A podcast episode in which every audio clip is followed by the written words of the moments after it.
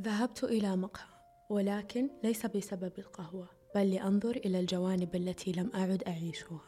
كانت أمامي امرأة سمعتها تحدث النادل عن رغبتها بمفاجأة صديق بكعكة عيد ميلاد فنظرت إلى نفسي متسائلا. كم هو محظوظ هذا الصديق ليكون لديه شخص يريد مفاجأته؟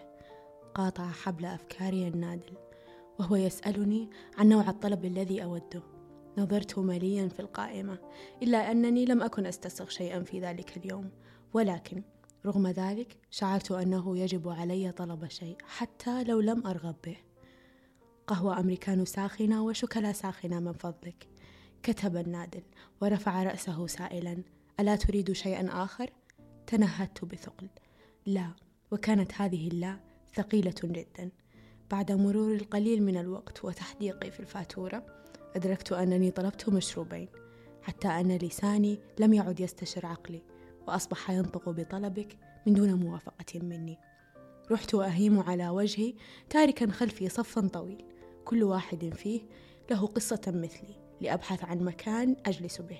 كان الأمر كما لو أن كل المناضد تحتم علي ألا أكون وحدي.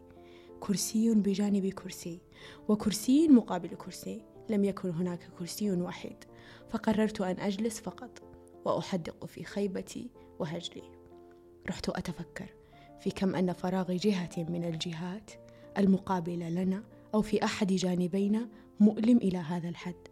لم ألحظ قط فراغ أحد الجوانب إلا اليوم.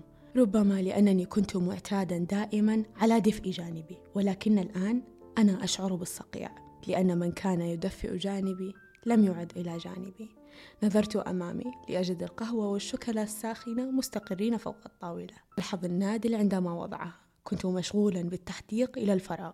نظرت إلى الشوكولا الساخنة نظرة خاسئة خاسرة ووضعتها أمام الكرسي المقابل لي الذي لطالما اعتدنا الجدال من أجله ولكنني اليوم تركته طوعا مني. كنت مستعدا للتخلي عنه إلى الأبد مقابل أن تعود. أمسكت بكوب القهوة رحت أتجرعها. لقد كانت أمر مما سبق. لقد كان أمر كوب قهوة تذوقته في حياتي. ولكن مع ذلك رحت أرتشفها بنهم محاولا بها ابتلاع الغصة التي استقرت في حنجرتي. بعد انتهائي من تجميع خيباتي ورميها في ذلك الكوب رحت أمسح فاه الكوب جيدا كي لا يتعثر أحدهم بخيبة المتبقية. مساء الخير أو صباح الخير. أهلا وسهلا بكم جميعا. أنا إلاف وهذا بودكاست همزة سمراء.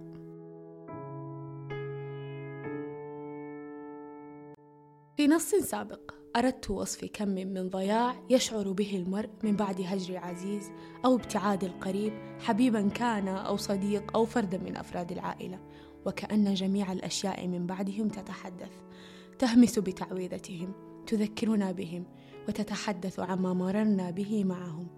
ذكرياتنا آلامنا سعادتنا وتلك البهجة التي زارت قلوبنا. كيف نتوق لاحتضانهم ونشتاق لمداهمة روائحهم؟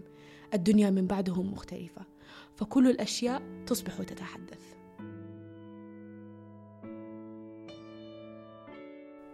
جميعنا بعد الهجر أو الفقد أو أيا كان المسمى الذي يصف ذلك الألم نخوض التجربة بشكل يناسبه.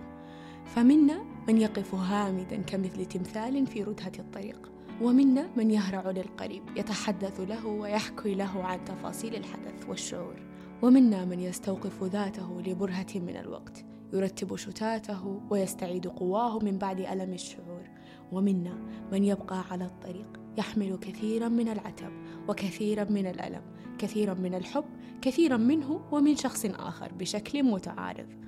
كل يخوض تجربته بطريقته الخاصة. وبينما يستمع بعض منكم ويشعر بذاته بين كلماتي ويهتف شيئا ما بداخله يقول إنها تحكي عني إنه أنا وشعوري. أود أن أقاطعك عزيزي أو عزيزتي المستمعة. فجميعنا مررنا بذلك الممر. الباب الرادع والحديقة النائية. كيف نمر؟ كيف وصلنا كيف أمسكنا بمقبض الباب. أود أن أخبرك. نعم الطريق ليس سهلا. فبكينا الليل وتجمدنا بصقيع الشروق الثلجي. تألمت أرواحنا اشتياقا. اختنقنا بفائض الكلمات وعجاج الشعور. أعطينا كل ذي حق حقه. أفرغ ما في جعبتك. تألم قليلا ولتسترح كثيرا. تحدث حتى تموت الكلمات في فمك. بعثر ذاكرتك ألما حتى تزهر وتستقبل البهجة من جديد. لا بأس دعها تثلج فالشمس حتما ستشرق. واجه الألم كاملا حتى تستعد روحك من جديد. عد يا صديقي المستمع بصفاء ولهفة العائدين. لك ما تملك من الوقت فلا تنسى أن تعود. تمهل. فعندما تشرق شمس الصباح سيخرج النور وتستيقظ الطيور سيبدأ النهار وحكايا النضال. سيلتقي الأحباب وينتهي العذاب. ستصفى النفوس ويلغى النفوذ. سترتقي الحياة ويشكر النجاة. ففي الصبح ضياء وفي الصبح أضواء. ولنا في الحياة يا صديقي مخاوف. نخفيها نقمتها نتجاهلها نخشى مواجهتها. وكأنها موج في وسط بحر هامد. فقف. واخبر نفسك أن تعود أن تبتهج من بعد الظلال. لا بأس واجه الألم المحتم عليك حتى تعتاد عليه. واجه حتى يكف عن كونه سلطان طاغي. واجه إلى أن تعود لأشعة الشمس نفس البهجة والدفء حتى تعلم أن تلك الأشعة كافية لتدفئة جانبيك. إلى أن تعود القهوة معتدلة المرارة إلى أن يضيء القمر تلك الليالي المعتمة ويكتمل إلى أن يحل الربيع ويزهو محياك من جديد. قل لا بأس وكأن البأس هنا شقي. اليوم سعدك والألوان جلها تحت يدك. عد شامخا عد أبهى أتمنى أنكم استمتعتم معي وبإذن الله بالحلقات الجاية بشارككم قصص أخرى ونصوص أخرى وأيضا ثرثرة تليق بمسامعكم. وتصل لأعمق نقطة من قلوبكم. هذه الحلقة من إعداد الكاتبة فيلين. كنت معكم أنا إيلاف والسلام عليكم.